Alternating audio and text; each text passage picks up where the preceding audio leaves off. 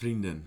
Thomas de Vries hier met weer een nieuwe aflevering van Act It Out, de podcast voor verhalen en ideeën die je beter maken.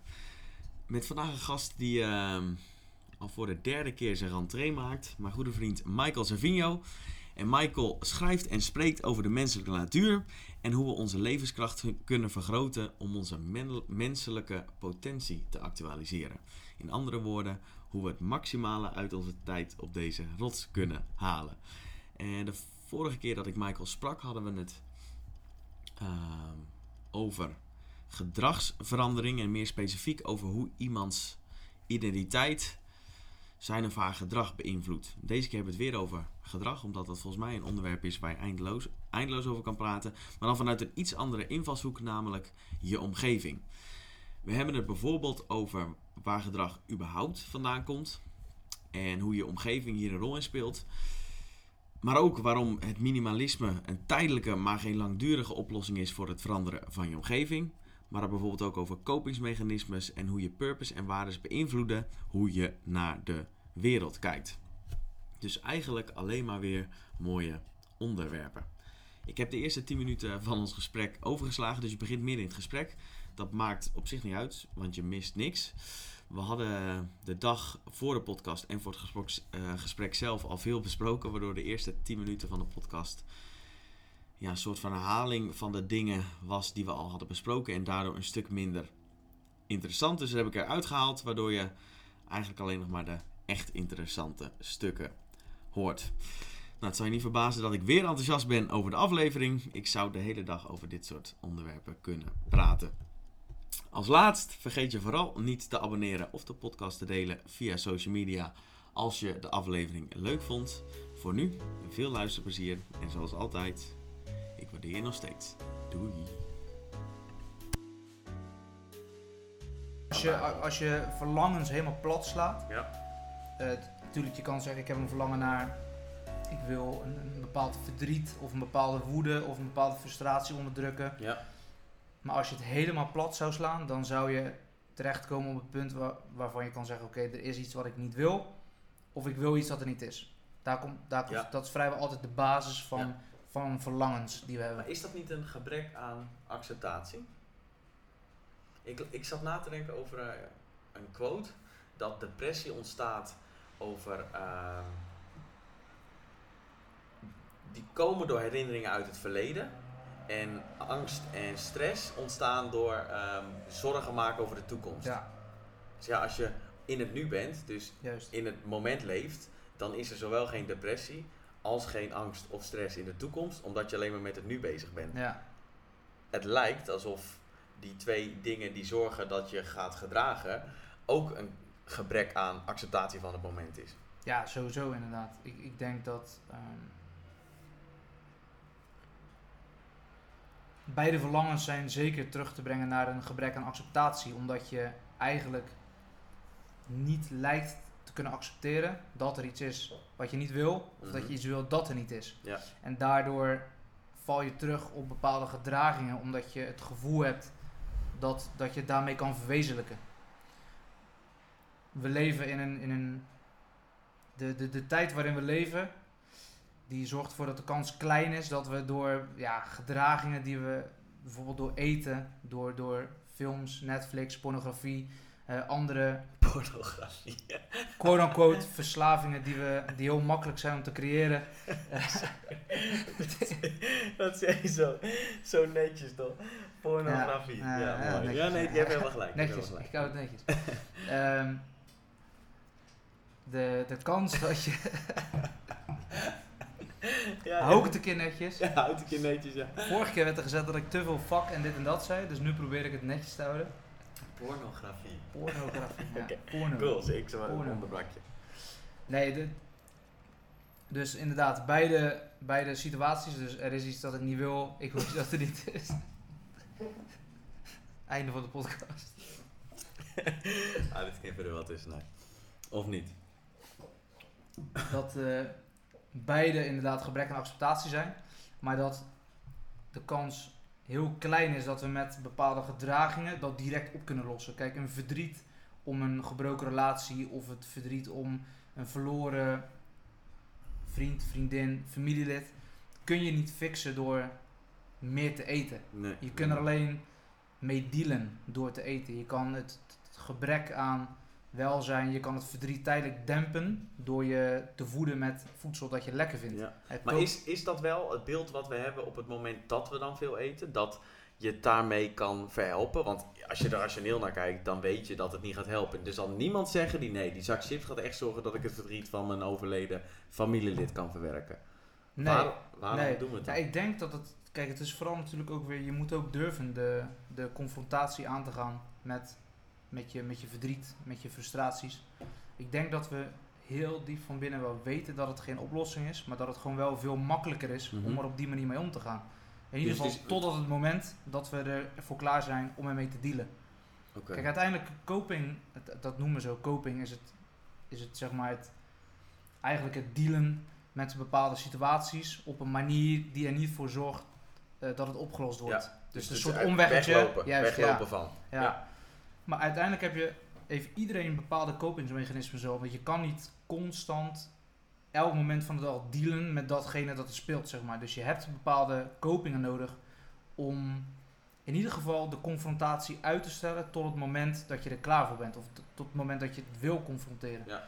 Ik denk alleen dat het probleem is dat, ehm, dat ja, op het moment dat elke confrontatie dat ermee gekoopt wordt door gedragingen, door, door te veel eten, te veel porno, netjes, Netje. eh, te veel eh, alcohol, te veel drugs, dan ben je dus eigenlijk een soort slaaf van je, van je, van je, van je verlangens. Dus je bent constant aan het kopen in plaats van dat je de confrontatie aangaat met, de, met hetgeen waar zij uit ontstaan. Dus het gebrek aan liefde, gebrek aan het gevoel van onzekerheid, frustratie, woede, angst. Ja. Alle emoties die, die Ja. we kunnen voelen. Kun je een voorbeeld noemen van... ehm, Nee, eerst, wat is, wat is daar dan de, de, de oplossing voor? Of wat is daar een strategie om daarmee om te gaan?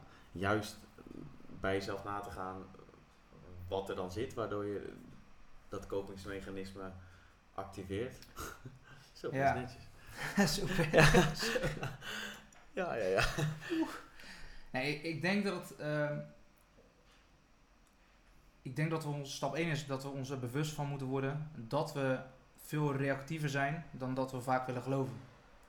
Ik denk dat we intuïtief zeggen dat het wel meevalt, hoe reactief we zijn, dat we niet echt graag eh, toegeven dat we gewoon heel erg snel toegeven aan bepaalde verlangens. Mhm. Dus het is niet dat ik eh, graag toegeef dat ik bijvoorbeeld snacks of chips of lekkernijen als, als medicijn gebruik voor mijn verdriet. Eh, dus dat is denk ik het allermoeilijkste. Stap 1 is gewoon het toegeven überhaupt dat wij oplossingen, kopingen gebruiken om met de echte problemen in het leven om te gaan. Op het moment dat je dat doet, dan Maar en, doen we dat niet omdat er schaamte bij zit? Zeker, tuurlijk, zeker. Het, het is ook eigenlijk natuurlijk, als je over nadenkt, tuurlijk, wij weten dat het normaal is, maar aan, aan de andere kant is het natuurlijk ook heel gek. Ik bedoel dat we überhaupt chips of iets anders lekkers gebruiken om bepaalde problemen uit de weg te gaan, is natuurlijk ook heel gek. Het is wel begrijpelijk, maar het is ook wel iets waarvan ik heel goed kan begrijpen, omdat ik dat zelf ook heb gedaan, dat je je daarvoor schaamt. Ik denk alleen wel dat het belangrijk is dat dat we als eerste stap gaan zien dat, het, dat je dat moet erkennen, dat we dat doen. En dat, we dat, niet, dat je daar niet alleen in staat, maar dat we dat allemaal doen. En dat de een eten heeft en de ander heeft drugs, de ander heeft alcohol, de ander heeft porno, de ander heeft andere dingen. Ja. Eh, het pulk aan je shirt, aan je vingers, aan je handen. Er zijn zoveel manieren waarop je kan kopen met emoties. Dat, eh, en dat is ook belangrijk. Het is niet per se slecht coping. Het is wel belangrijk dat je erkent dat je koopt.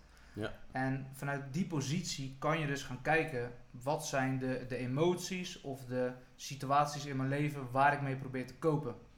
En op welke manier doe ik dat? Welke gedragingen ontstaan daaruit? Omdat die vaak heel onbewust zijn. En je kan ze op deze manier kan je er, kan je er licht op schijnen. En dan kan je er bewust van worden van, van welke kopingsmechanismes je inzet in je leven. Ja. En of ze niet toevallig heel destructief zijn. Ja. Dat is natuurlijk de vraag ook die, je, ja, die uiteindelijk daaruit voorkomt. Van zijn de kopingsmechanismes die ik hanteer, die ook nodig zijn, ehm, ja, zijn die niet te destructief? Brengen Ja. we die niet verder in de problemen dan dat ik eigenlijk probeer te ontwijken? Ja, ik heb het met mijn, telefoon. Heb ik het een, nog steeds wel, maar een he- heftig gehad. Dat ik echt verslaafd was aan een ding. En op een gegeven moment kwam ik erachter dat ik niet de telefoon was die zo verslavend was. Ja. Maar een van mijn uitdagingen is als ik aan een taak begin, dat ik of overweldigd raak, dus dat het te veel wordt, Ja, ik herken. of, ehm, eh, of ik vind het gewoon echt fucking saai. Ja, En heb ik ook. Het Ja. is maar niet mijn telefoon, maar het is het kopingsmechanisme van Ja. niet met de uitdaging aan willen gaan, Ja, of niet de uitdaging op te zoeken, dat ik denk, ah, eventjes eh, wat kijken. precies, ja. Het heeft ja. helemaal niks met die telefoon te maken, Nee, maar dat is ook een kopingsmechanisme. Z- dus in zeker, die ja. zin... eh, Daarmee, het is ook, coping is ook niet slecht inderdaad. Dat, dat is het ook. Kijk, copingsmechanisme wordt vaak als slecht ehm, weggeschilderd. Omdat, omdat je zegt, nee, je moet al je problemen confronteren. Ja. En niet uit de weg gaan. Ja. Tuurlijk, in essentie is dat waar. Maar je, je kan niet de hele dag... op elk moment nee, van nee, de dag alles confronteren. Je hebt een bepaalde coping nodig om, ja, om het uit te stellen. Tot het Mhm. moment dat je er klaar voor bent. Tot het realistisch is dat je die uitdaging aangaat. Maar hoe zit de, wat is daar dan de balans in? Want Nou ja, ik denk dat het een goede vraag is. Op het moment dat de coping, kopingsmechanisme destructiever wordt dan het probleem dat je probeert te ontwijken. Dus stel dat het kopingsmechanisme een probleem aan zich wordt. Ja, dan ben je alleen maar eigenlijk meer problemen aan het creëren. ja. Kijk, het telefoongebruik, we kunnen ervan vinden wat we willen. Eh, alleen uiteindelijk heeft het niet echt hele destructieve gevolgen. ja, het ligt eraan. Kijk, tuurlijk, er, er zijn... licht de- je het bekijkt. Ja, hoe is het destructief bijvoorbeeld? Nou, als je het over een periode van als ik het 100 keer per dag mijn telefoon pak, dan als je dan uitrekent hoe lang ik echt gefocust aan het werk ben, is dat te verwaarlozen. Nou, als Ja. je dat uitsmeert over 30 jaar, Ja, dan is zou wel wij- echt ja. destructief. Dan wel inderdaad, ja. Maar, meer Maar nee, ik snap wel dat als je een zak chips aanbrengen. per dag Juist, aanbrengt, ja. die is wat directer destructief. Ja, juist. Ja, er, 100%. is gewoon een hele, er is gewoon een kausaal verband te trekken tussen bepaalde kopingsmechanismes en het welzijn van mensen. Ja, dus, maar sporten is voor sommige mensen ook een kopingsmechanisme. In die Zeker. zin is het een ehm, gezond kopingsmechanisme, Ja. maar als het te veel wordt, dan Ja. is het ook weer niet. Wanneer wordt het... Kijk, de, de kopingsmechanismes zijn gezond op het moment dat ze niet op een directe manier destructief voor je gezondheid zijn. Omdat het je alleen maar verder in de problemen brengt, zoals alcohol, drugs. Kijk, Ja. we gebruiken het als kopingsmechanisme, kan gebruikt worden als kopingsmechanisme, alleen het is niet dat het een, ja, het is niet een wenselijk kopingsmechanisme, omdat het een probleem met zich meebrengt. Ja. En telefoongebruik tot bepaalde mate is het in principe niet. Hetzelfde als je handen pulken, je shirt pulken, eh, ijsberen, zeg maar. Dat is ook een soort coping. Ehm, dat, heeft, dat heeft niet hele destructieve gevolgen op korte termijn. Dus ik denk dat het sowieso, ja, wat we zeiden, erkennen dat, dat je koopt, goed begrijpen dat coping niet slecht is. En waarom is dat weer belangrijk? Omdat je daarmee ook veel meer begrip kan tonen voor mensen die met problemen kopen. En die gedragingen inzetten om bepaalde, toch een bepaalde problemen in hun leven eh, momenteel nog te ontwijken. Ja, dus En- ook om em- empathie voor anderen op te kunnen Ja, brengen. omdat mensen met overgewicht worden nu bijvoorbeeld heel snel weggeschilderd Ja. als iemand die geen wilskracht heeft of iemand die niet graag genoeg wil. Dat is gewoon echt onzin. Dat weten we gewoon heel duidelijk dat iemand met overgewicht gewoon prima kan kopen met een heel groot probleem. En dat eten op dat moment het, het makkelijkste kopingsmechanisme is. Ja. Tuurlijk kan je iemand helpen aan minder eten, maar dat betekent dat het kopingsmechanisme wegvalt. En die daardoor geforceerd wordt om met het probleem, het probleem te confronteren. Waar iemand gewoon niet klaar voor kan zijn. Dus het is vaak ook niet zo makkelijk om je kopingsmechanismes weg te gooien. Er is vrijwel altijd een vervanging nodig. Tenzij je klaar bent om het probleem te confronteren. Ja. Ja, wat is... Oké, dus je kunt of een, een beter kopingsmechanisme kiezen. Ja, ja. Dus ja bijvoorbeeld, ik, dat, bijvoorbeeld een goede is dat heel veel eh, alcoholisten, ex-alcoholisten, gaan sporten. Of een sport gaan doen.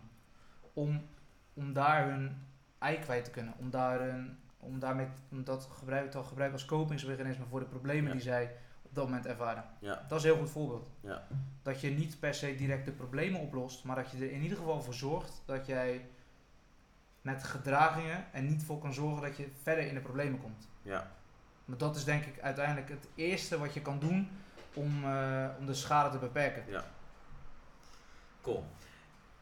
Ik kom hier zo op terug. Ik wil eerst nog een deel behandelen waar we het gisteren over hadden, hoe omgeving hier eh, hoe omgeving ehm, invloed heeft op je gedrag en op welke niveaus dat allemaal kan. Ja. En daarna komen we dan weer terug bij coping en en nou goed. Ja, ja ik, waar we net natuurlijk deels over hadden, kijk, gedrag bestaat uit vier fases. En de eerste fase is dat, dat, dat je door middel van invloeden getriggerd wordt, worden bepaalde verlangens getriggerd. Mhm. En die invloeden zijn in de meeste gevallen zijn omgevingen, situaties en mensen. Sociale kringen kan je ook zeggen, want niet altijd één persoon, maar kan ook natuurlijk een groep personen Ja. zijn. En omgevingen zorgen er in die zin voor dat ze bepalend zijn in wat voor verlangens er in ons getriggerd worden. Ehm, het tweede is dat omgevingen, situaties, mensen, dus de invloeden eigenlijk, die ik net genoemd heb, contextueel zijn. In de zin van dat omgevingen, situaties, mensen, dus de invloeden, noemen we het vanaf nu even, niet altijd hetzelfde betekenen. Mhm. Hoe ik het altijd heb geleerd is dat de manier waarop wij de wereld interpreteren als mens, je eigenlijk kan uitleggen dat je, je kijkt door een bepaalde bril en datgene dat je ziet is afhankelijk van de bril die je op, te- op hebt. Dus, dus je kan verschillende brillen opzetten. Ja, gisteren zijn een pakje sigaretten, toch? Ja, bijvoorbeeld inderdaad, nou wat zijn die brillen? Die brillen zijn eigenlijk de, eh, de betekenissen die je aan je leven geeft. De zingeving is daar heel bepalend in. Ja, en wat je ook waardevol vindt, toch? Dus de Wat je waarde- waarde, inderdaad. Waar, waar ik de brug naar wil slaan is dus de waarde die je leven hanteert. De, de, de, de betekenis die je in je leven, de betekenis die aan je leven wil geven, Ja. zingeving, hoe we dat mooi noemen, is dat bepaalt door welke bril je het leven interpreteert en alles wat je ziet interpreteert. Ja. En dat is de context die je creëert voor jezelf. Ja. Dat is waarom we het net, waar we net eh, een soort over zingeving begonnen zijn, is waarom het zo belangrijk is, omdat het bepaalt hoe wij de wereld ervaren. Gisteren aan de telefoon hadden we het over sigaretten. Iemand die centraal in zijn leven heeft staan dat hij gezond wil zijn, ehm, zal naar een pakje sigaretten kijken, maar daar, daar helemaal geen betekenis in zien. Sterker nog, hij zal er misschien zelfs een negatieve associatie mee, eh, eh, mee hebben, omdat die gezondheid centraal heeft staan. Ja. En pakje sigaretten daar haaks op staat. Dus in die zin, invloeden zijn contextueel, omdat ze afhankelijk zijn van de betekenis, de bril waar je het leven door interpreteert. Ja. Nou, en die invloeden, waarom is omgeving zo belangrijk? Omdat het bepaalt uiteindelijk welke verlangens er in ons getriggerd worden. En omdat mensen in principe van nature reactief zijn. Dus dat we reageren op verlangens, impulsen die in ons worden getriggerd. Is het essentieel dat we ook zorg dragen voor de omgeving waarin we leven. Omdat we daarmee invloed kunnen uitoefenen op de, de invloeden. Ja. De, de verlangens die in ons getriggerd worden. Dus je zegt enerzijds is de, de zin die je aan je leven geeft en de waarden die je hebt, dat is de bril waardoor je de wereld bekijkt. Dus wat je Ja. waardevol vindt en hoe je betekenis geeft aan dingen. En anderzijds zeg je ook dat je omgeving en de invloeden, dat die verlangens triggeren, Ja. wat ge- gedrag als gevolg heeft. Het zij Juist, ja. ehm, positief of negatief. Ja. Ja, Oké. een goed voorbeeld is bijvoorbeeld bodybuilding. Vind ik een leuk voorbeeld altijd. Ik heb zelf best wel lang aan bodybuilding gedaan. En als je dan... Ja joh? Vraag tegen me. Ehm, en als je dan... Als ik dan terugdenk naar hoe ik de wereld ervaar... ervoer, alles is... Je bekijkt alles vanuit de bril van of het goed is voor je lichaam. Dus bijvoorbeeld een sociaal, sociaal evenement. Je kijkt, oké, hoeveel calorieën eh, ga ik daar nuttigen? Ehm, kan ik daar iets eten? Mag ik drinken? Mag ik alcohol? Mag ik...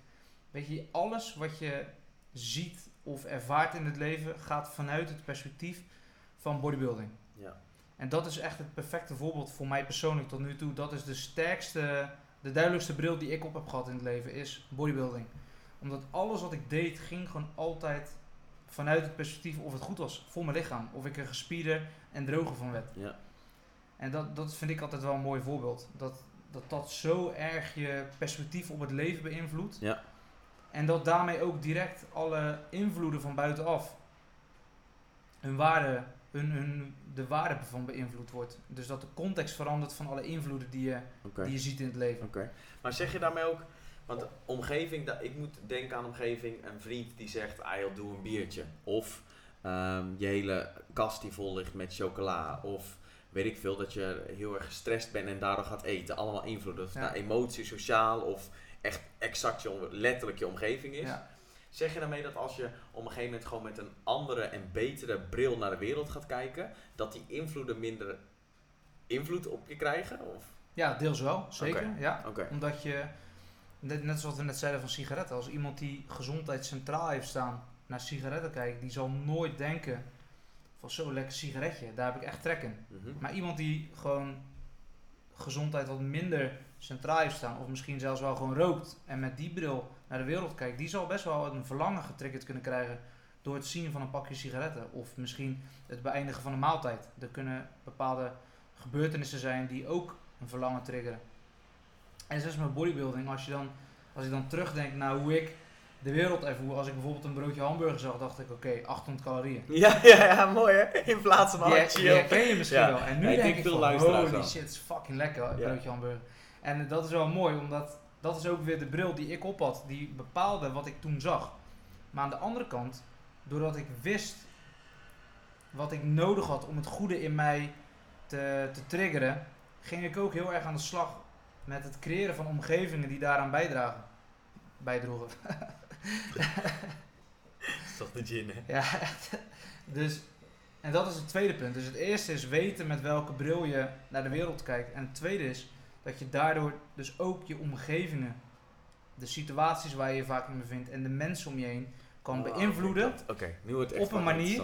Die dus bijdragen aan de bril die jij op hebt. Dus je wil uiteraard dat alles wat jij ervaart in het leven, dat dat zoveel mogelijk jou dient. Ja, ja. In plaats van dat jij alles wat je ervaart dient. Ja, dat is grappig. Oké.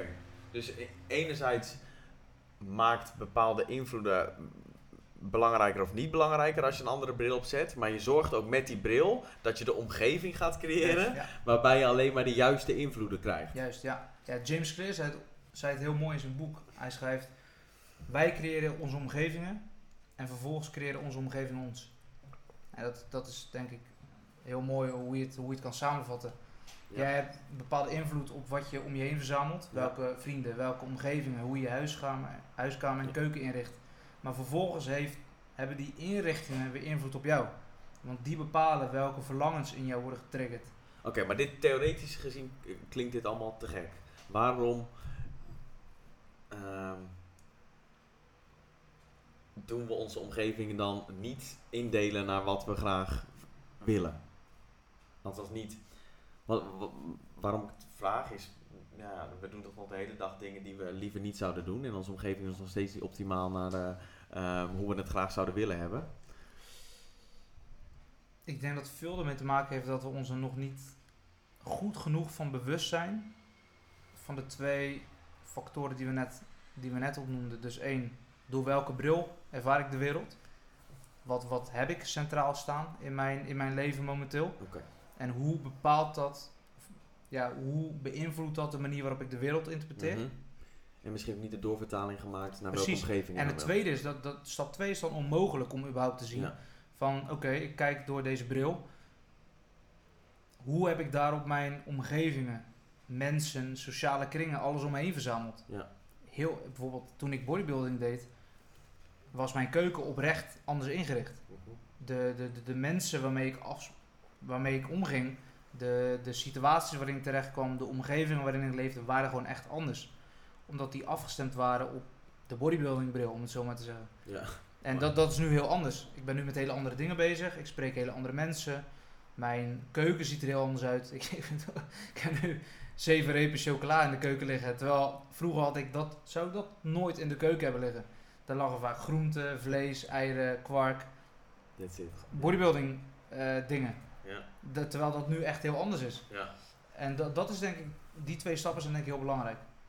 Tenminste, dat vind ik de eerste twee stappen eh, waar je het meest controle op, op hebt, zeg maar. En oké, dus op het moment dat je dat niet hebt, dan kun je dus ook niet goed duiden wat belangrijk is Ja. voor je en welk gedrag je wel graag wil vertonen en welk gedrag niet. En dan Ja. worden in één keer uitgaan, alcohol, feestjes, Juist, ja. Ja. eh, Netflix, Ja, allemaal dat soort dat dingen we- worden, in één keer, worden in één keer heel ehm, interessant. Ja. ja, ik denk dat we misschien niet, ik ben niet al te sterk begonnen vind ik als ik nu terugdenk. Kijk, wa- wat is belangrijk? Je begint eigenlijk als je je gedrag wil aanpassen, begin je op een, op een heel probeer je zo diep mogelijk in jezelf te graven. Oké, welke waarden vind ik belangrijk in het leven? En welke doelen vind ik belangrijk om naar te streven? Wat vind ik, wat vind ik het waard om naar te streven in het leven?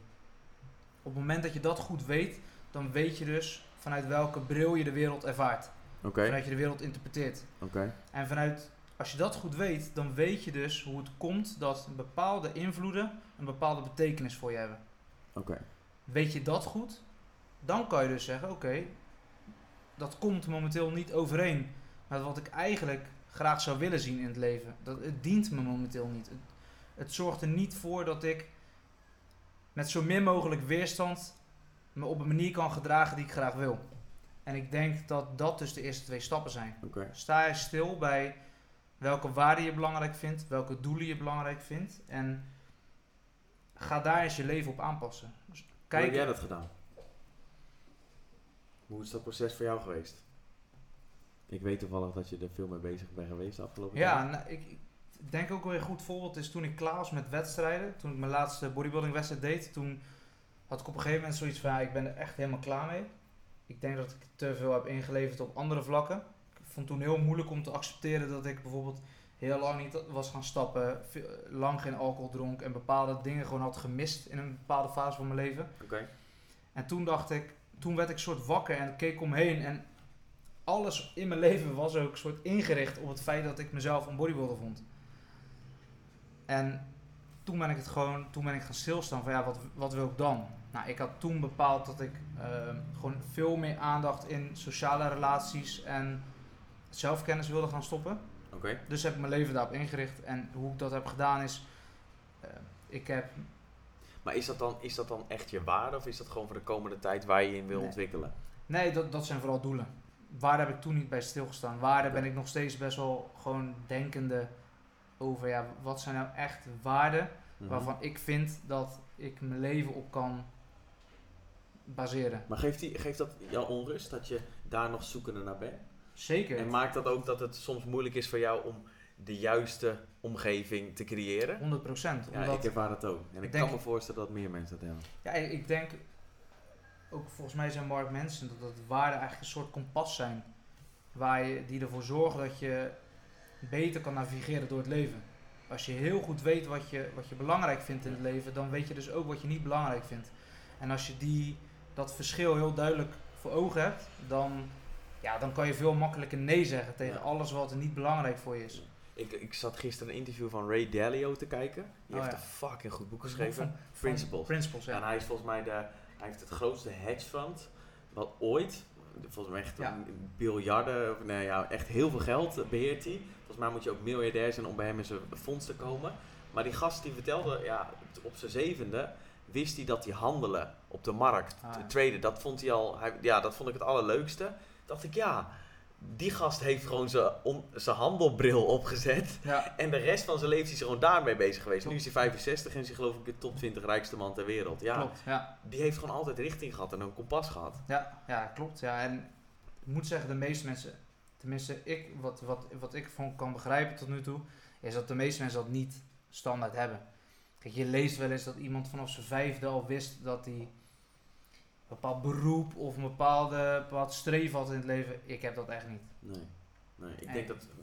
Ik ook niet. Ik denk ook meer dat, dat, dat je dan de uitzondering bent, dan dat je ja, de norm bent. Oké, Sterker nog, ik denk dat je zelfs uitzonderlijk bent. ja. Eh, en dat de meesten van ons gewoon echt moeten zoeken naar een bepaald kompas. Dat je dat samen moet stellen. Ja. En dat je dan daarmee met dat kompas, in combinatie met bepaalde doelen die daar heel erg bij passen, dat je daarmee een bril kan creëren die, die constructief is voor hoe jij naar Ja. de wereld kijkt. Ja, ja, ja. En dat je daarmee echt heel veel dingen ineens kan filteren die niet belangrijk zijn. En daardoor eigenlijk veel minder invloeden ziet die de ja, destructieve verlangens in ons Ja. creëren. Alexander zei in de vorige podcast, eh, of twee podcasts geleden geloof ik, waarom mensen in het weekend naar alle feestjes gaan en dat soort dingen doen, is omdat op dat moment dat het leukste is wat ze in hun leven hebben. Ja. Ze zegt, hij zegt, je moet gewoon iets leukers vinden om te doen.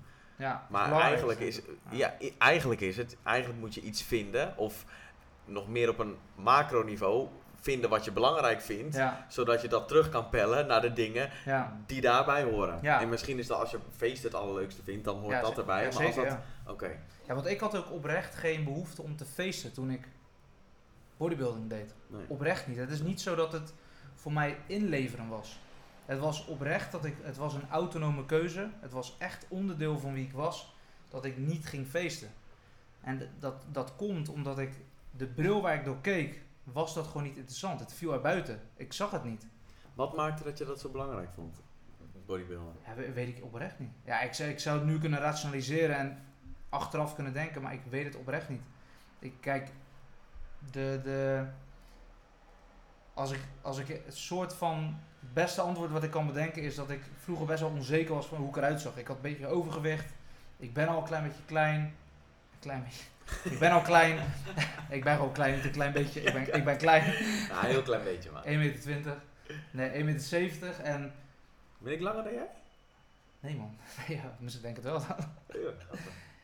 En Voor het ik, eerst. echt, Ik daarom, ik, heb, ik heb ook vrouwelijke gasten, die waren ook allemaal... eh, daarom kun je het goed met mij vinden, omdat ik de enige ben die klein Ja, is. Zo. Nee, ik, ik, ik ben al een soort klein en ik denk dat ik wel ook nog een beetje overgewicht. Ik denk dat het niet de beste combinatie is eh, voor een man op je zestiende om, om, een jezelf jochie. te presenteren. Ja, voor een Ja. jochie zeg maar. Ja. Dus ik dacht, nou, ik word gewoon fucking badass. Ik word gewoon breed, kast, eh, sexy. En daardoor ben ik een soort in doorgeslagen, noem je dat dan, hè? iedereen om je heen. Nou, Ja. in die zin, het heeft me ook wel heel veel gebracht, denk ik. Maar ik denk wel dat het daaruit is ontstaan. Ja, hoe dan de exacte, wat, wat het vuurtje was en ja, hoe dat aan is gebleven, weet ik niet precies. Nee. Behalve de laatste paar weken van zo'n wedstrijdvoorbereiding goed, bovengemiddeld goed uit, vind ik. Eh, dus ja, ik weet niet. Het recept was, eh, de combinatie aan ingrediënten was Ja. voor mij op dat moment En misschien had je ook wel dat je heel veel mensen ontmoette in die wereld, waardoor je... Zeker, ja. Dan wordt het alleen maar leuker, want dan is, Ja. dan is het naast het bodybuilden en trainen zelf heb je ook heel veel sociale contacten, waardoor Precies. dat, Ja. Een gegeven moment zit je er gewoon diep in. Ja, je leert ook wel, en dat is echt super cliché, want iedereen zegt dat. Dus het is ondertussen een cliché, maar je leert ook echt wel dat je. Je leert nederig zijn. Je bent gewoon echt een pauper de eerste dag dat je in de gym stapt. Ja, En je, je, bencht, je benchpress 0 kilo. ja. En je weet, je leert dat je echt met hele kleine stapjes lang genoeg zetten op Ja. een punt kan komen dat je echt gewoon een uitzondering bent in de maatschappij. Dat is... Dat, Dat is wel echt vet. Ja. Dat je leert dat een Ja. proces zo belangrijk is. En dat je niet alleen maar resultaatgedreven moet zijn, maar dat je vooral betrokken moet blijven bij het proces. ja, Dat, dat dat is altijd achteraf gelul, want in het proces denk je, waarom ben ik nog steeds een pauper, zeg maar. Totdat je ermee stopt en denkt, holy shit, ik ben best wel sterk. ja. Maar nog steeds, het is wel iets waar je achteraf terug kan kijken en denkt, nou, dat was een Ja. waardevolle les. Ja, ja je, je kunt heel veel, ehm, heb ik ook, heel veel lessen geleerd van fitnessen.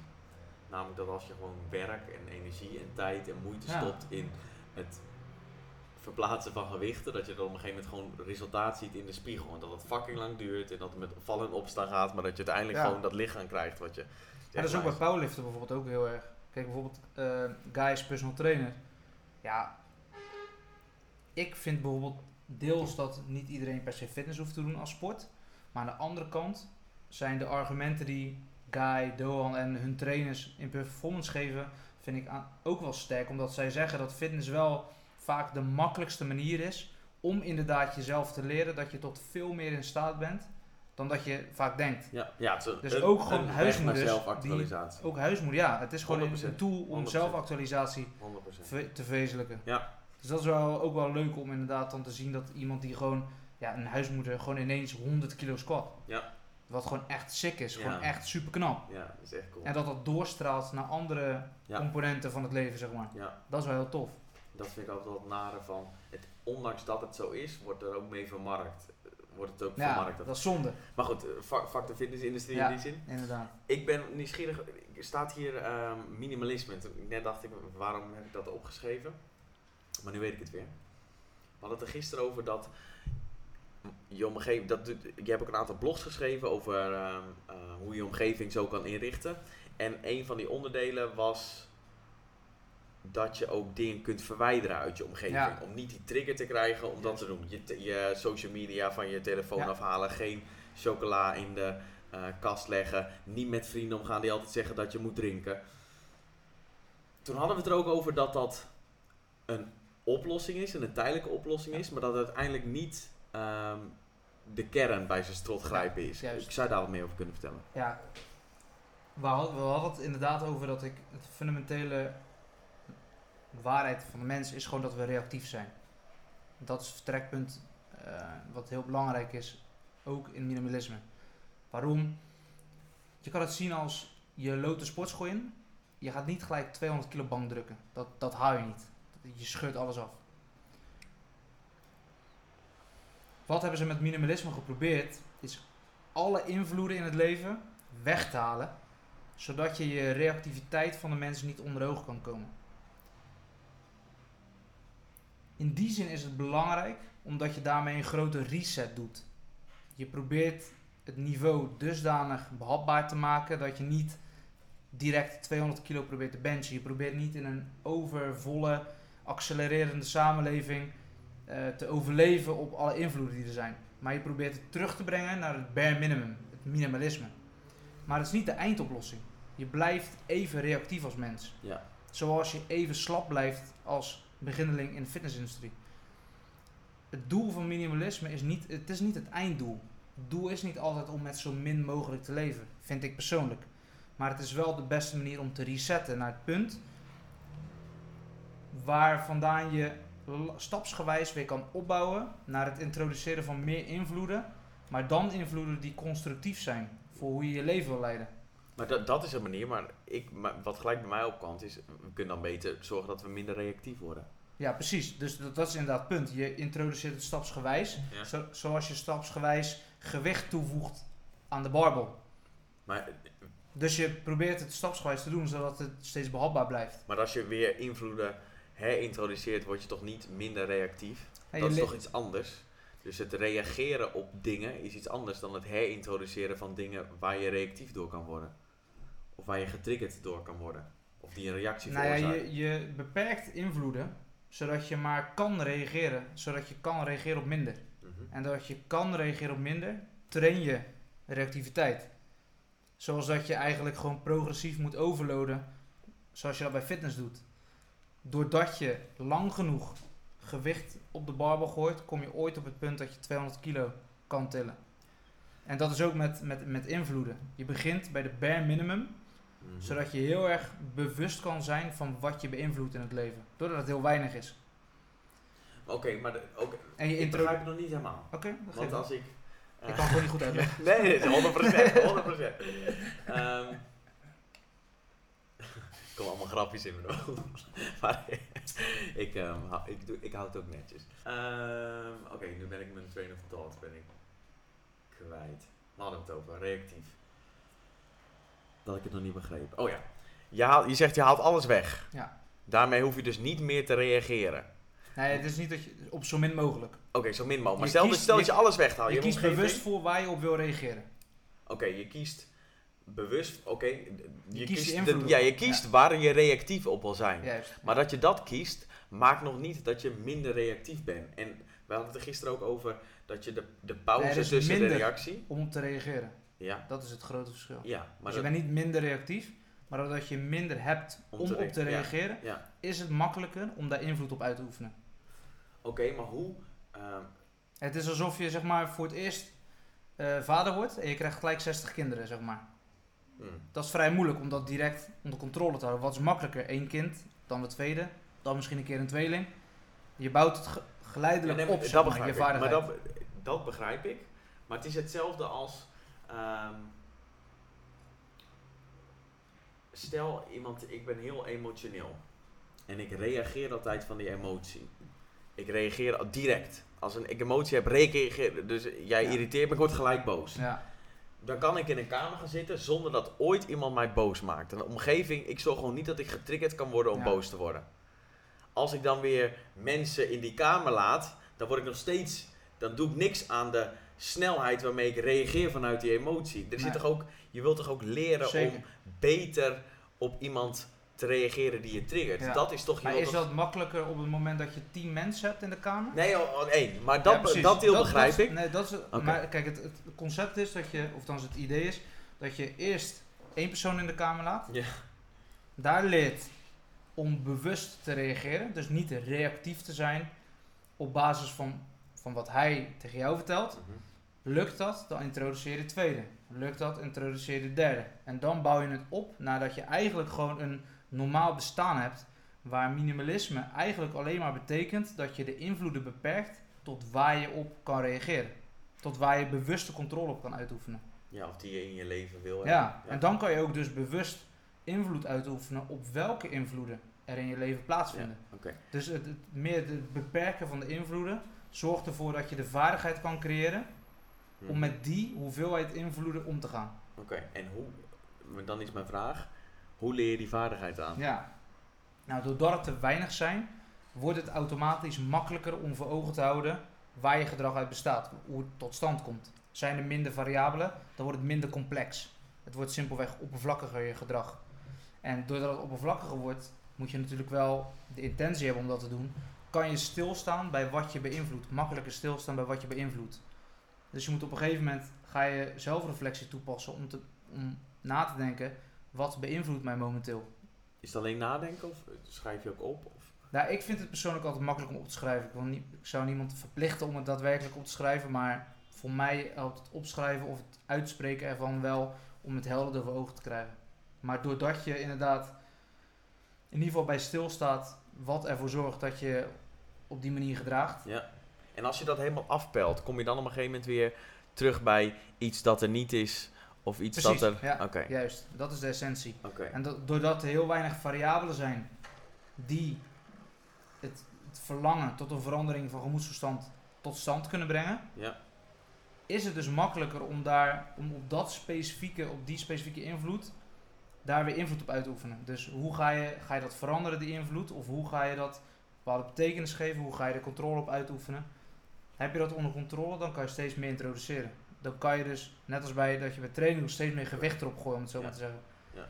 En dat is hoe je een leven creëert met zoveel mogelijk invloeden die jou één dienen, ja. maar waar je ook zelf controle over hebt. Oké, dus dan als we het om een duidelijk beeld te krijgen, het is goed om na te denken over wat je belangrijk vindt, wat je, je purpose is. Zo'n in- ingewikkeld woord vind ik dat altijd. Maar je, je hogere doel, de waarden die daarbij horen, dat is een manier. En vervolgens is dan ook een strategie om eens een keer al je invloeden vanuit je omgeving of een keer weg te halen. Dus ik weet niet of dat Nee, realistisch wat, wat is. grappig is om na te denken is, ik, ik had het eh, toevallig vrijdag over op mijn werk over de minimal viable product. Ik Ja. werk bij een techbedrijf ook en daar is het natuurlijk het minimale eh, vereiste product wat je nodig hebt om iets in de markt te kunnen zetten. Ja, Om dan data te verzamelen. Juist, maar wat, toen dacht ik ineens, van, ja, dat is best wel een, Iets minder tik op de tafel. hoor je dat? Ja, Ah, niks van. God, je niet goed hè? het geld. Het is best wel een grappig concept om ook toe te passen in dit vakgebied. Omdat je, zodra je goed voor ogen hebt wat je wil in het leven, dan ga je nadenken wat is het minimale wat ik vereiste, wat ik nodig heb om dat te verwezenlijken voor mezelf. En dan kan je dus nadenken welke invloeden, welke, wat is het minimale in mijn omgevingen, het minimale aan mensen, aan situaties wat ik nodig heb om datgene wat ik belangrijk vind te verwezenlijken. Kun je daar een voorbeeld van noemen? Wat dan een minimale... Nou, bijvoorbeeld bodybuilding, om weer als voorbeeld te nemen. Eh, niet ik wil er geen fitnesspodcast van maken, Nee, no worries. Nee, nee, dat is het een goede kapstok. Ja, tastbaar makkelijk. iets. Ja. Als je bodybuilder wil worden, dan is het belangrijk dat je in ieder geval de juiste voedingsmiddelen bij de hand hebt. Als je dat onder controle hebt, dus als je niet meer verleid wordt door, door de verkeerde voedingsmiddelen, dat je dus per ongeluk elke keer te veel calorieën eet. Als je dat onder controle hebt, dan kan je gaan nadenken, ja, welke vrienden heb ik eigenlijk? Weet je, zijn mijn vrienden überhaupt bezig met trainen? Wat, wat betekent dat voor, op sociaal gebied voor mij, dat bodybuilding zijn? En dan kan je dat steeds meer uitbreiden en steeds meer invloeden en, en aspecten creëren die juist het bodybuilding, eh, de, de, ja, het verwezenlijken van het bodybuilding leventje jou dienen. In plaats van dat je, dat je ja, vecht tegen allerlei invloeden die daar juist haaks op staan. Oké. Dus, maar in die zin is het minimale wat je kan doen, je omgeving ver- Ja, je, je fysieke omgeving. Oké, fysieke omgeving Ja. veranderen. Oké, dus dat je niet meer in de verleiding komt. om- Ja, Cool. en de tweede stap is dan, dat is mijn tweede stap is altijd geweest, het sociaal aspect. Dus als je fysieke omgeving klopt, als het in lijn ligt met wat je wil bereiken in het leven, dan heb ik altijd verder gekeken naar wat zijn de mensen die in deze fysieke omgevingen eh, om mij, om zich, zich om mij heen bevinden. En dat is moeilijk. Ik vind dat nog steeds moeilijk, want dat betekent dat je soms ook moet zeggen tegen bepaalde groepen en sociale gelegenheden, mensen, dat je ze minder vaak gaat zien. Ja, Of ik heb- dat, is- dat hoef je niet per se te zeggen, maar dat gebeurt gewoon. Ja. Dat zie je ook heel vaak. Het is grappig als je altijd met artiesten en zo interview hoort, dan zeggen ze altijd: Ja, ik heb heel veel vrienden heb ik achter moeten laten. En dan denk je altijd van ja, fucking egoïst. Als je erover nadenkt, het is gewoon het is noodzakelijk Ja. om te blijven functioneren. Om te kunnen verwezenlijken wat je in je hoofd hebt. Ja. Dat je wil verwezenlijken. Maar de- ik, ik merk wel eens, nou niet dat ik veel vrienden moet wegdoen of zo, dat slaat nergens op. Maar ik heb hier wel moeite mee. Ja, dat, eh, ik ook. Ja, Ik ook. Het is wel ingewikkeld. Ja. Ook omdat het, het zijn niet voor niks vrienden, weet je wel. Je hebt ook wel echt een band, je geeft ook om die mensen. Tuurlijk, ja. Dat is er los van. Dat is ook het moeilijke. Ja. En het is ook nog breder natuurlijk. Het zijn ook sociale gelegenheden. Dus ook feestjes.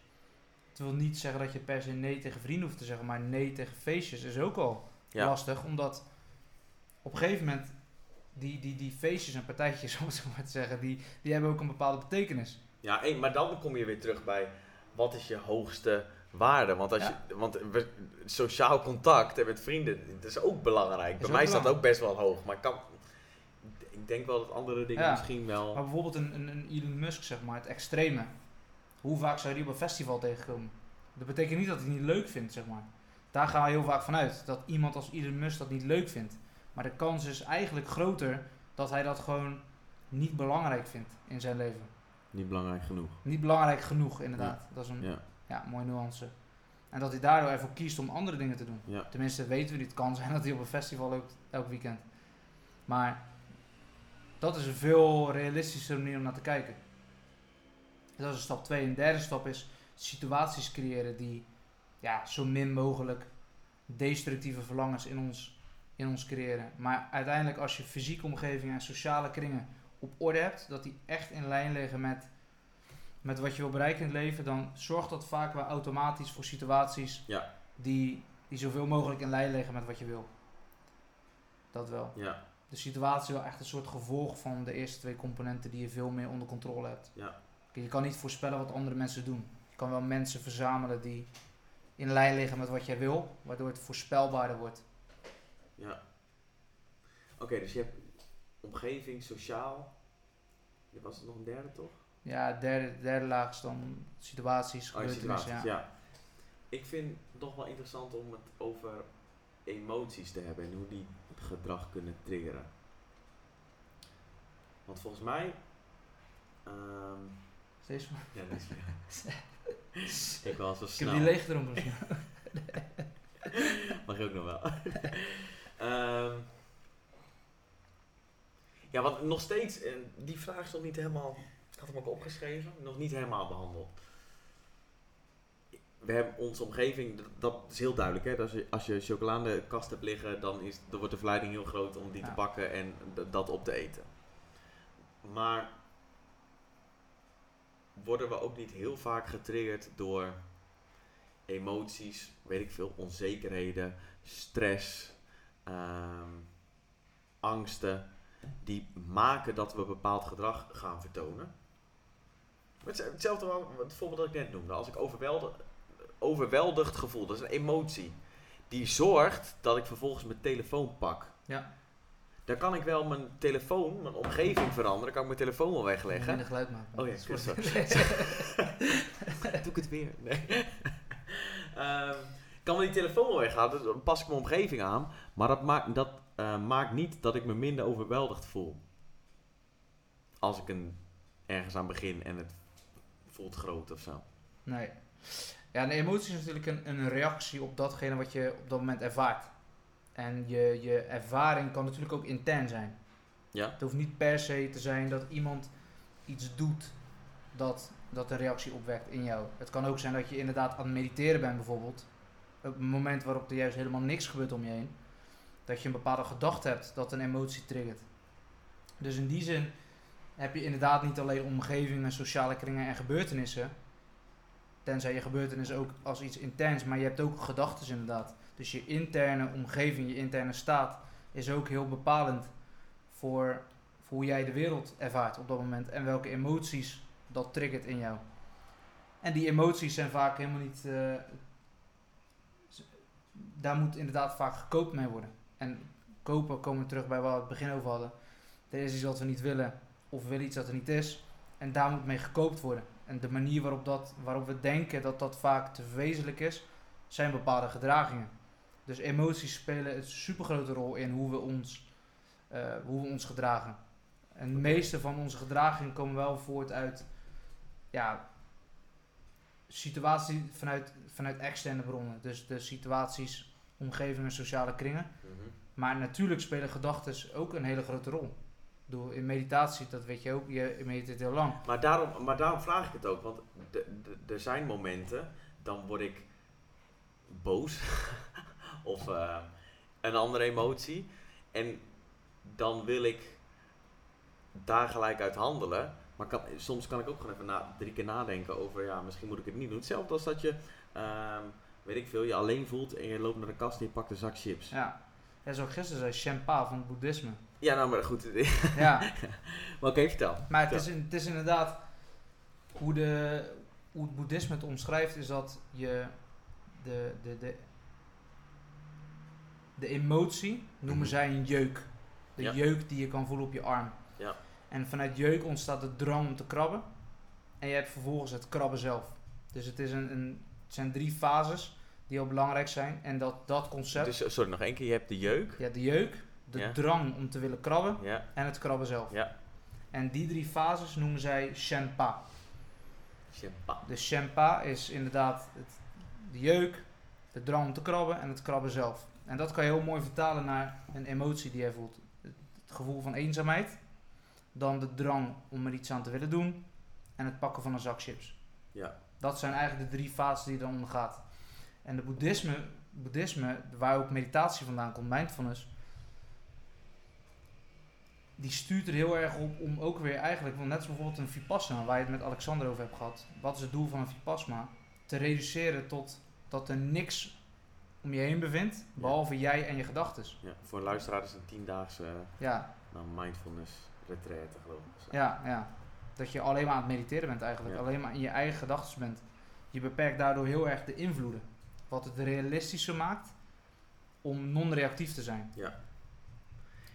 En dat, dat is ook Shenpa. Je, je wil dus bewust worden van, oké, wat is de jeuk die ik voel? Welke emoties voel ik? Welke omgevingen, sociale kringen en gebeurtenissen zijn er die een bepaalde jeuk creëren? En tot welke drang leidt dat? Tot welke drang, dus welke drang voel ik om te krabben? En hoe uit dat zich in de praktijk? En vervolgens de laatste stap is hoe, welke gedragingen, met welke gedragingen probeer ik die jeuk te fixen? Dus hoe krab ik daadwerkelijk? Dat is dus eigenlijk Ja. het bewustwordingsproces van gedrag. Waar we het over hebben eigenlijk. Ja, oké, cool. Dat is een mooie manier om er naar te kijken. Om jeuk inderdaad als, eh, als metafoor te, te houden. Ja, Dus inderdaad die eenzaamheid bijvoorbeeld die, je- ja. die je als voorbeeld geeft. Je hebt de jeuk, je hebt de Drang om te drang krabben om te krabben. en het krabben zelf. Dus je hebt eenzaamheid, de drang om je, ja, Ja. Om, om inderdaad niet eenzaam te zijn. Ja. En dan bijvoorbeeld een zak chips. Oké. En als we dit nou, als we proberen te samenvatten, hè, waar we het aan het begin over hadden, met dat hogere doel en je waardes. Ja. Dat, de bril waarop je door de, naar de wereld kijkt. Die zouden in principe, als die waardes duidelijk zijn en jeuken hoort daar niet bij, dan zou je daar ook niet op reageren. Nou, je kan op het moment dat je heel goed je waarden en doelen voor ogen hebt in het Mhm. leven, dan kan je wel jeuk ervaren. Alleen, je kan zelfs de drang om te krabben ervaren. Maar tegelijkertijd kan je beter in perspectief plaatsen dat de doelen en de waarden die je hebt gekozen in het leven gewoon inherent zijn aan dat je je soms eenzaam voelt, bijvoorbeeld. Als dat een bepaalde jeuk is. Mm, oké. En daardoor kan je veel makkelijker stilstaan. En, en, en er ook bewust voor kiezen om niet toe te geven aan die jeuk. En dat is ook weer de bril waar je door kijkt. Je ziet wel, je ervaart wel een bepaalde jeuk. En je, dat zorgt voor drang om te jeuken. Maar je kan veel makkelijker bepalen, ik ga gewoon niet krabben. Want het is gewoon iets waar ik voor kies. De richting die ik wil geven aan mijn leven, die staat inherent aan dat ik soms een bepaalde eenzaamheid voel. En daardoor is het niet iets wat ik op hoef te lossen per se. Maar maakt dan je waardes duidelijk hebben automatisch al minder reactief? Dus ik weet heel duidelijk wat ik wil. Dus op het moment dat ik die jeuk voel, word ik me al veel bewuster dat ik die jeuk voel en dat het niet in lijn is met hetgene wat ik het liefst Ik denk het wel, ja. Ik kan me dat best wel, Ik denk het wel. ik kan me dat best wel voorstellen. Ik denk het Op wel. momenten dat ik echt iets wilde, dan was dat inderdaad wel. Ik heb ook een tijdje dat ik gewoon echt fucking kast wilde worden. Dan was het voor, kostte mij geen moeite. Nee, Het kostte me ook geen moeite om stil te staan bij die dingen die niet werkten, zoals zuipen en ongezond eten. Ja. En dat, dat, daarom vindt het boeddhisme natuurlijk ook zo belangrijk dat je een higher purpose hebt. Ik bedoel, kijk, Jordan Peterson, bijvoorbeeld Jordan Peterson heeft een religie al heel vaak als voorbeeld. En dat is ook waarom, waar we het gisteren over hadden, die AA-meetings, die eh alcoholisten, Ja. Anonymous. Ja, wat is het? Alcoholic Anonymous. Ja, de, voor al, alcoholisten Ja, in Het Amerika. 12-stapsprogramma Ja, voor die kunnen alcoholisten daarheen. in Het Amerika. is een ja. praatgroep met een 12-stapsprogramma Juist, en ja. dat is fucking succesvol. Ja, het Echt, het meest succesvolle programma voor, voor welke vorm van verslaving dan ook. Zeg maar. En de, volgens mij hebben we twee elementen die het zo succesvol maakt. Eén is dat ze het dat je moet overgeven aan iets hogers, toch? Of Ja. zo? Ja. Wat ook het doel is van Je moet het, religie. het vaststellen van een higher purpose. Ja. Dus je moet heel goed nadenken met hun. Zij gaan je helpen om iets te vinden in het leven dat, dat, dat het zinvol maakt om te blijven leven. En dat je dat centraal kan stellen in je leven. En het tweede is dat zij gewoon eigen cold turkey laten gaan. En dat zij weer je helpen integreren in het normale leven. Maar dan wel op een manier dat je dat leven vormgeeft. Dat weer overeenkomt met die Ja, purpose die dat je is hebt eigenlijk gesteld. waar we het Dat over gehad waar, waar hebben. we het over gehad hebben. Dat, maar, dat is een super succesvol programma, maar niet Nice. voor niks natuurlijk. Het is Nice. gebaseerd op heel veel principes die gewoon, waarvan we weten dat, ze werken. Ja. Ja. ja. Higher purpose. En dan vervolgens En- alle omgeving, alle invloeden weghalen, allemaal triggers weghalen. Ja. En dan Vanuit daar opbouwen. minder Vanuit reactief het leren minimalisme. Ja. ja. Dus het bare minimum. Dus wat is het minimale wat ik nodig heb om mijn purpose te verwezenlijken, om daar Mhm. naartoe te werken. Mhm. En dan ga je steeds meer integreren. Want het is niet, je kan niet voor eeuwig, ja, je kan een monnik worden.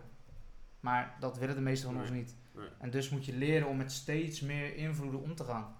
Maar jij, we hadden het net over hoe jij je purpose en waarde hebt gevonden. Nou, dat- dat, had je, ja, heb je uitgelegd. Hoe heb je dat gedaan met het weghalen van invloeden? Die niet werken. Andere sportschool. Toen ik switchte van bodybuilden naar, Ja? Ja wat doe ik nu? hey, dat weet niemand, dat weet ik zelf niet eens wat ik nu doe. Dat is een probleem. Eh, dat is de uitdaging nu. Nee, maar toen ik, toen ik switchte van bodybuilding, Mooi. Ehm, toen, toen andere sportschool. Ja. Eh, ik ging uit bepaalde Facebookgroepen. Ik stopte met het lezen van bepaalde boeken. Ik stopte met het discussiëren van, of over bepaalde onderwerpen hebben. Ik stopte met schrijven over bepaalde onderwerpen. Ik ben gestopt met coachen in de fitnessindustrie. Er zijn heel veel dingen die ik bewust weg heb gehaald. Die mij eigenlijk toch stiekem steeds in dat wereldje hielden. En vanaf hier ben ik het opnieuw aan het opbouwen. Dus ja, wat doe ik? ik bijvoorbeeld nu heb ik me ingeschreven voor Toastmasters. Dat, die, eh, de, ja, hoe, hoe zeg je dat? De, Public speakers. ja, zijn dat, public speaking. eh, ja, het is eigenlijk een soort groep waarin je met elkaar leert om te spreken. Nice. Daar heb ik me ingeschreven. Ik doe bepaalde opleidingen over onderwerpen die ik heel interessant vind, waar ik me verder in wil verdiepen. Ik heb andere, eh, ik zit in een andere sportschool die gewoon veel meer draait om comfort en wellness, et cetera. Gewoon eigenlijk, ja, een normale, een normale sportschool, om het zo maar te zeggen. Eh, dus in die zin ben ik allemaal dingen aan het, aan het creëren die gewoon meer in lijn liggen met wat ik nu wil in het leven. Eh, en niet meer met wat ik toen wilde. En dat is ook mooi, want daar ontstaat ook vaak identiteitscrisis uit. Dat je dus aan het wegnemen bent van wat je gewend bent te willen en ook om je heen te hebben. En ja, dat je ineens een soort zwart gat hebt, zeg maar. Ja, want Dus- jij identificeerde je ook met het Precies, bodybuilder ik zijn. was die bodybuilder. Ja. Ik was altijd te gespietst in elke ruimte. Ja. Tenzij de andere bodybuilders waren die groot waren, maar meer... En dat is denk ik ook wel waarom we met z'n allen zoveel moeite hebben om dat te doen. Omdat je weet, donders goed weet dat je identiteit daar hangt. En identiteitsverandering van identiteit is altijd pijnlijk. Ja, Altijd pijnlijk. Per En definitie, Een nieuwe boek van Mark Manson, dus ehm, hoe heet everything is fucked. Everything is Fucked. Daar zegt hij het ook zo mooi dat identiteit is per definitie gewoon pijnlijk. Verandering daarvan. Omdat je dus moet alles weg moet nemen wat je ooit lief was. Wat je gewend bent lief te hebben. Ja. Ja. En dat moet je dus opnieuw creëren allemaal. Ja, ja, ja. Je ziet heel vaak bij auteurs die een boek hebben geschreven, bodybuilders die helemaal naar een bepaalde wedstrijd werken, voetballers die aan het einde van hun carrière zijn. Je bent zo geïdentificeerd en geïnvesteerd in, in wat je altijd geweest bent. En je hebt heel je omgeving daarop ingesteld, al je vrienden, je sociale kringen. Iedereen ervaart jou op die manier. En dat moet je ineens veranderen dan. En daar komt bij dat je dat allemaal opnieuw moet gaan opbouwen. Al die invloeden in het leven die, jou, ja, die jouw gedrag hebben bepaald de afgelopen Ja. jaren, die moet je gewoon switchen. Ja. En dat is echt wel een moeilijk proces hoor. Dat is, eh, Ja, het is gewoon een uitdaging Ja, altijd. fucking moeilijk. Ja. Oké, dan hebben we het over de, de invloeden weghalen en weer introduceren. Hoe leer jij om minder reactief te worden? Ik kan me voorstellen dat mediteren daar een, eh, daarbij helpt. ja, Stil te staan op het moment dat je een emotie voelt. Ja, mediteren helpt wel heel erg. Omdat ik, je, je, eh, zoals die, hoe heet die man van Headspace? Hoe heet die? Andy. Ja, ik, ik doe nooit headspace. Oké, ik, de- ik heb heel lang Headspace gedaan. Hij legt het altijd uit als dat je aan de, lang, aan de langs de weg zit, dat je auto's voorbij ziet komen. En dat je dan probeert zeg maar, stil te staan bij welke auto's je voorbij ziet komen. Zo is mediteren ook. Je, je bepaalde gedachten, emoties die komen voorbij. En je probeert stil te staan bij wat ze betekenen.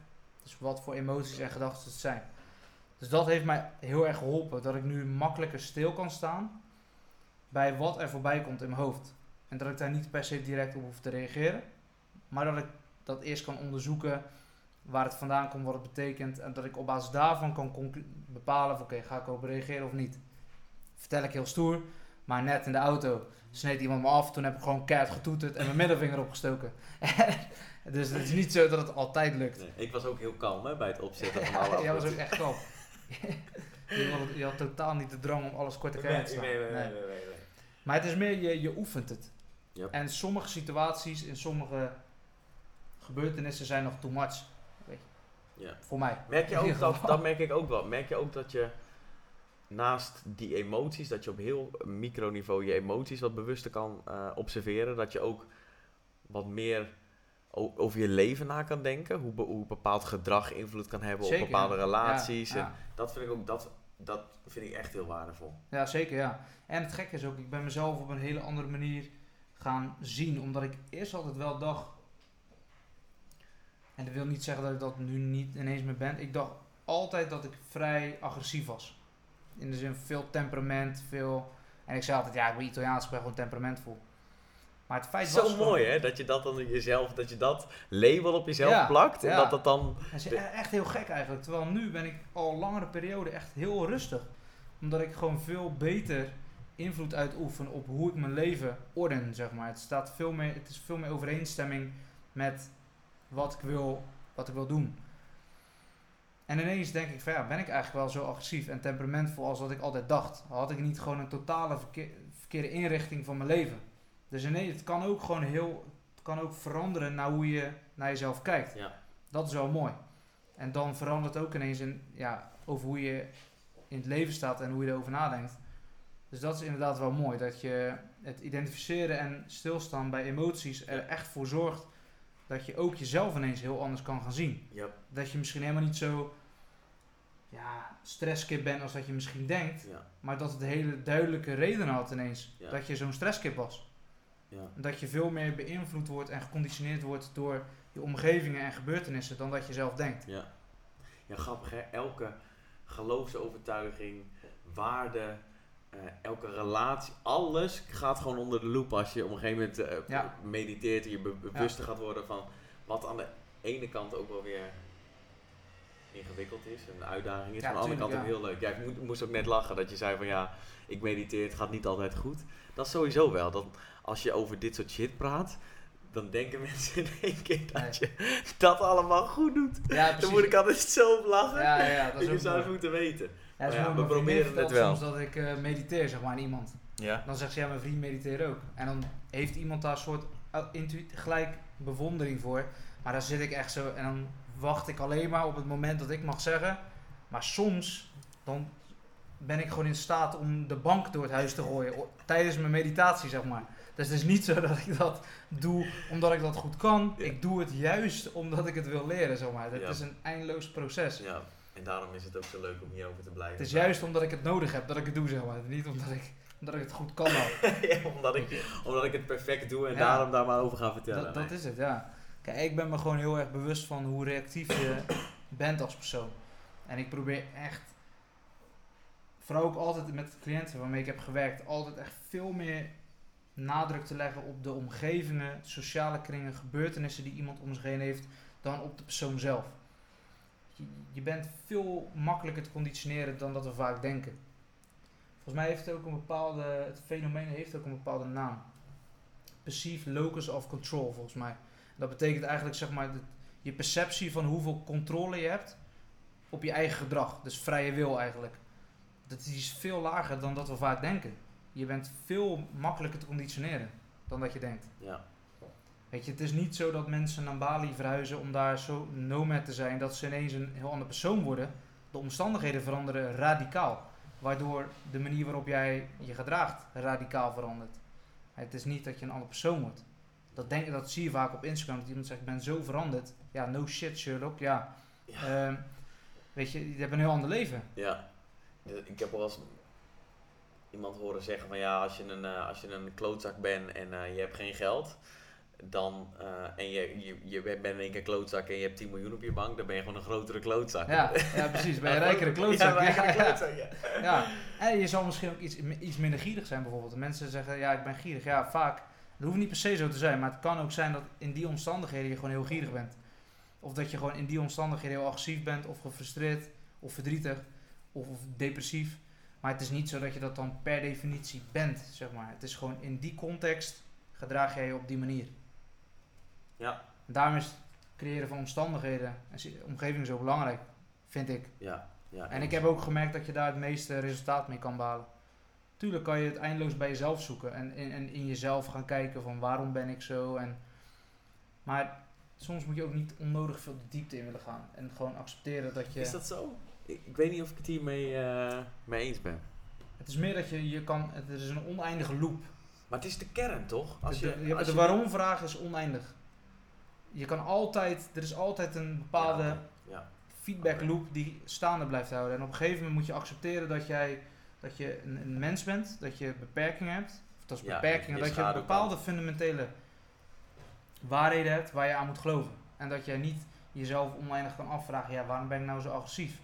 Weet je, misschien moet je gewoon nadenken, hoe ziet mijn leven eruit? Kijk eens naar buiten. Wat, wa- waar word ik door beïnvloed? Accepteer dat je beïnvloedbaar bent. En want dat, dat, dat geeft zoveel vrijheid. En ook heel veel compassie voor andere mensen. Weet je, ik heb oprecht veel begrip voor mensen die overgewicht hebben. Omdat ik weet dat het veel moeilijker en complexer is dan alleen maar minder eten, meer bewegen. Dat het helemaal geen kwestie is dat ze geen wilskracht hebben. Maar dat er gewoon heel veel dingen in het leven zijn die hun kunnen beïnvloeden. Waardoor zij gewoon op dat moment niet het gewicht kunnen verliezen dat ze eigenlijk moeten, zouden moeten verliezen. Dus er is ook nog eens een hele mooie, het creëert ook een hele mooie eigenschap. Veel meer begrip en compassie voor Ja. mensen Eens. die in, in een bepaalde ja, componenten toch tekort schieten, om het zo maar te zeggen. Ja. Terwijl intuïtief ben je natuurlijk geneigd om jezelf te straffen voor bepaalde faalbaarheid. Maar ja, je hebt veel minder onder controle dan, dan wat we willen geloven. Denk ik op Ja. dit moment. Dat Ja, denk ik. Dat is ook hoe ik er op dit moment in sta. Ja. Volgende podcast gaan we het hebben over hoe acceptatie, gaan we dat eens uitdiepen. Hoe, eh, Ja, Nu zijn we er ergens wel aan toegekomen, maar ik heb het idee dat de de volgende podcast dat we daar nog wat ja dat is meer, wel eh, meer. Ja. Ook omdat ik, ik ben er zelf veel mee bezig, maar ik heb er nog, ik weet er nog te weinig van. En ik kan het niet echt uit, uit eigen, ervaring spreken hoe ik dat heb toegepast. Dus dan gaan we het volgende keer. Ja. eh, Ja, ik, moet Maar ik ben denk- ook veel bezig met acceptatie. Vorige podcast vroeg je me ineens, ja, hoe, eh, wat is belangrijk in je leven? Of wat vroeg je nou? Die laatste vraag, ga die weer stellen? ik heb er weer niet over nagedacht, hè. ik ga niet beantwoorden. Nee, ja, toen, moest ik echt, eh, toen was ik 10 minuten aan het haperen Ja. voordat ik kon zeggen, ja, ik, ik wens gewoon meer acceptatie te vinden in datgene wat ik heb, zeg Ja. maar. En dat is nog steeds actueel. Ja. Gewoon het leren accepteren van hoe bepaalde dingen zijn. Ik denk dat dat belangrijk is, man. Ik denk dat dat in geval in mijn leven dat het, het allemaal iets chiller zou maken. Als ik gewoon veel situaties accepteer. Ja. Als het goed gaat, als het slecht gaat, als ik boos ben, als ik blij ben. Dat ik niet constant daar iets over moet vinden en van moet zeggen. Ja. Maar goed, daar gaan we het de volgende keer over hebben. Ik had toen, de laatste keer dat ik truffels had gebruikt, toen had ik dus een zin opgeschreven. Die, ja, ik. het is echt heel gek om te zeggen, maar ik vind het echt Thomas is een knappe jongen. sterke zin. En ik kan me ook niet voorstellen dat het uit mijn brein komt, omdat ik het helemaal niet kan naleven. Maar ik heb opgeschreven dat acceptatie is de hartslag van verandering. Wat dus betekent, hoe ik het daarna heb opgeschreven, wat de uitleg erbij was, dat zolang er acceptatie is, dus zolang er hartslag is, ben je dus in staat om te veranderen, om te leven, zeg maar. Ja. En, maar nu denk ik echt, ja, hoe dan? Ik accepteer vrijwel niks in mijn leven, dus het is helemaal niet iets wat ik kan naleven. Maar het is wel dat ik, het is voor mij wel elke keer een geheugensteuntje van, oh ja, acceptatie is de eerste stap. Ja. En vanuit acceptatie, dus als er niet de drang is om iets te willen veranderen, dan pas ben je in staat om het daadwerkelijk te veranderen. Ja. Dus dat is wel een super actueel onderwerp in mijn leven ook. En elke keer als ik de drang voel om ergens tegen te vechten, dan denk ik ook weer van ja, shit, waarom voel ik die drang? Waarom is dat? Waarom kan ik dit niet gewoon accepteren zoals het is? En dan soms dan gebeurt het wel, stapsgewijs. En dan zie je ook dat er veel meer ruimte komt om daar, eh, ja, om, om daar veranderingen in te brengen. Maar vaak valt de drang om te, veranderen, om te veranderen helemaal weg ineens. En kan je iets gewoon accepteren da- waar, waar je tegen eerst heel te proberen te Ja, vechten, vechten. zeg maar. Ja. Ja. Ja. Goed voor de volgende keer. Ja, interessant. Voordat eh, ik de laatste vraag stel. Ja, zeg. Waar, eh, Jullie met je laatste vraag. Elke waar, eh, podcast heeft een laatste vraag. Waar, eh, dat is echt zo fucked up. waar kunnen mensen je online vinden? Op Instagram Michael Savino, Ja. www.michaelsavino.nl en Twitter Savino Michael. Ja, en ik heb voor deze podcast heb ik ehm, nou, nagenoeg al je blogs, nou niet allemaal, maar een, aantal omgeving. goed doorgele- omgeving goed doorgelezen. Echt een aanrader voor mensen die de onderwerpen van dit, deze podcast interessant vonden. Kijk, vinden, vonden, vonden. Kijk sowieso op michaelsavino.nl zie je een mooie ehm, foto van Michaels hoofd in een soort van eh, cartoonachtige eh, getekend zo. Mooie foto van mijn hoofd. Zie je nog steeds, zie je nog steeds dat hij ook knap is. Michael, laatste vraag. Zullen we, zullen we het terras op gaan? Sowieso. Thanks, maat. Sowieso.